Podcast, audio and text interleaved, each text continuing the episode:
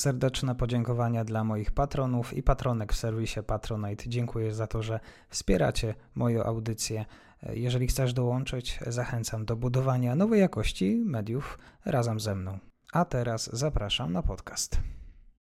Dzień dobry Państwu, dzień dobry wszystkim słuchaczom. Raport z frontu. Marek Kozubel po drugiej stronie. Marku, dzień dobry.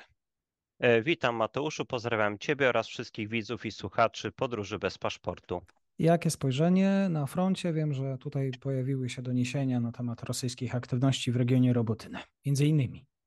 E, no tutaj e, do Robotyny może przejdziemy potem, ale bardzo tutaj ciekawe rzeczy się dzieją e, na odcinku pod Awdijiwką i Donieckiem, bo tutaj Rosjanie nie przestali nacierać na ukraińskie pozycje po zdobyciu Awdijiwki. Chcą wykorzystać jeszcze to okienko możliwości, które mają, bo no, w zasadzie tutaj w dużej mierze korzystają z sytuacji e, bardzo takiej niekomfortowej dla strony ukraińskiej w postaci deficytu amunicji artyleryjskiej.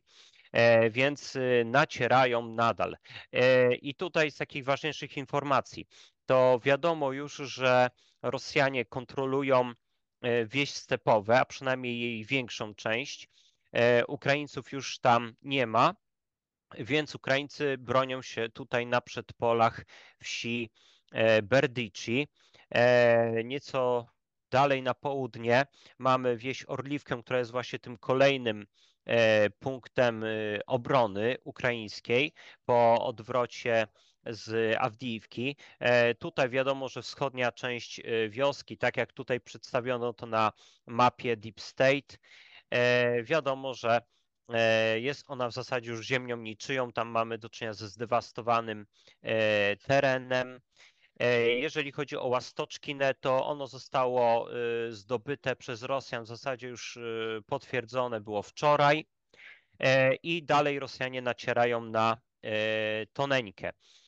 Jeżeli mowa o wsi Sewierne, to po upadku Awdijiwki ta wieś była tym punktem, z którego prędzej czy później Ukraińcy E, musieli się wycofać właśnie do sąsiedniego Toneńkiego, gdyż Sewierne było już obiektem ataków od wielu miesięcy z południa, a po zdobyciu przez Rosjan Awdijiwki e, mogli oni atakować tą wieś od wschodu i również od północy, właśnie po zajęciu e, wsi Łastoczkine, które znajduje się tak troszeczkę, można powiedzieć, w cieniu mini Azowstalu, czyli awdijiwskich zakładów koksochemicznych.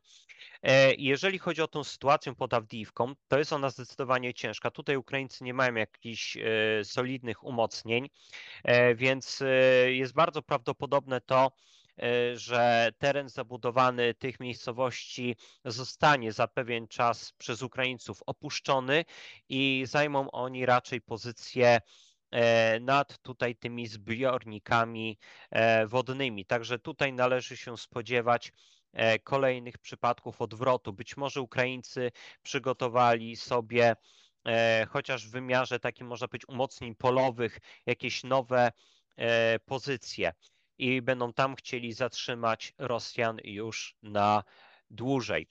No ale tutaj wybudowanie w dość krótkim czasie nowych pozycji będzie no naprawdę bardzo utrudnione, e, bo jak wiemy w tej strefie kilku kilometrów nawet od linii frontu e, Rosjanie e, też podobnie jak i Ukraińcy mają możliwość działania dronami, mają bardzo dobrą świadomość sytuacyjną i tak samo mogą również atakować dronami FPV, na przykład maszyny kopiące doły, z które potem no, będą, z których potem będą tworzone jakieś nowe umocnienia.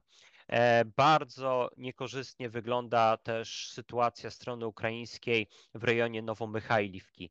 E, wieś Pobieda została wczoraj e, też już to potwierdzono przez Rosjan, zdobyta i następnie y, będzie celem ich ataku wieś Konstantyniwka i znajdująca się obok niej Konstantyni Parskowiwka.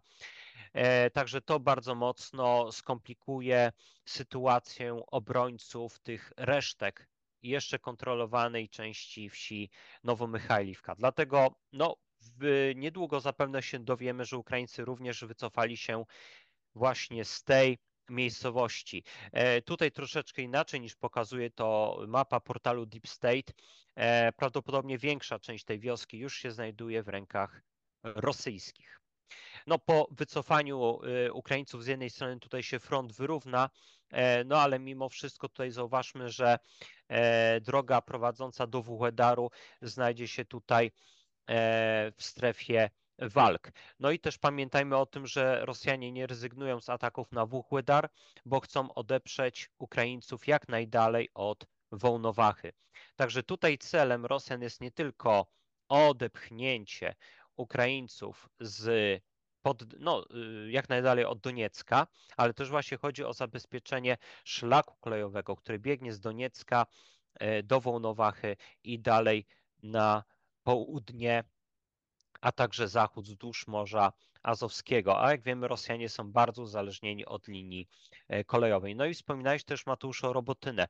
E, tutaj sytuacja jest naprawdę bardzo taka ciężka. Rosjanie w zasadzie już walczą e, pod, pod granicą dawnego terenu zabudowanego Robotynę. Miejscami nawet w ostatnich dobach wchodzili na jego teren, ale jeszcze byli odrzucani. Wiemy też, że Ukraińcy są stopniowo wypychani spod werbowego. No i tutaj głównym celem Rosjan jest wiadomo, że likwidacja e, tego tutaj e, wybrzuszenia. E, no na chwilę obecną to większość rosyjskich ataków kończy się przede wszystkim porażką i dużymi stratami, ale mimo wszystko nawet tutaj Rosjanie wykorzystują ciężką sytuację strony ukraińskiej, czyli po prostu deficyt amunicji i również pewne problemy z obroną przed atakami rosyjskiego lotnictwa. E, jeżeli chodzi o przyczółek pod Krynkami, to tutaj e, bardzo ciekawa sytuacja, bo wbrew zapewnieniom e, ministra Szojgu, czyli tutaj przypomnę ministra rosyjskiego, no dalej Ukraińcy są obecni w Krynkach, dalej te pozycje są atakowane i bardzo ciekawe jest to, że w ostatnich dobach doszło tutaj do bardzo ciekawej sytuacji. Otóż w jednym z e, nieudanych, wyniku jednego z nieudanych ataków, e, Rosjanie stracili tutaj w rejonie Krynek trzech jeńców. No i teraz kim są ci jeńcy? Bo teraz najciekawsze, to nie są Rosjanie i nie są to osoby pochodzące z Europy. Są to osoby pochodzące z Afryki. Ciekawe. Otóż, otóż mamy dwóch Somalijczyków, i jednego najemnika ze Sierra Leone. Także tutaj mamy y, dość ciekawy dowód na to, że e, Rosjanie próbują e, najmować do walki e, na Ukrainie nie tylko Nepalczyków, bo też takie informacje się pojawiały, ale również starają się jednak wyciągać jakichś ochotników do walki nawet z Afryki i ponoć nawet w Burkina Faso mają mieć trochę kolejnych chętnych. Także no, sytuacja jest tutaj dość też ciekawa. No, ale żeby tutaj nie było, że tylko tam Rosjanie ponoszą straty, warto też wspomnieć o jeszcze jednej rzeczy i to właśnie E, takiej, która miała miejsce e, właśnie w walkach pod Awdijiwką. E, otóż doszło do potwierdzonego, skutecznego porażenia pierwszego czołgu Abrams wykorzystanego w wojnie rosyjsko-ukraińskiej. Ten czołg, przynajmniej z tego co E, pisze ekspert wojskowy z Defense 24 Damian Radka. Ten czołg nie został e, zniszczony. E, trafiony został magazyn amunicji w tylnej części wieży.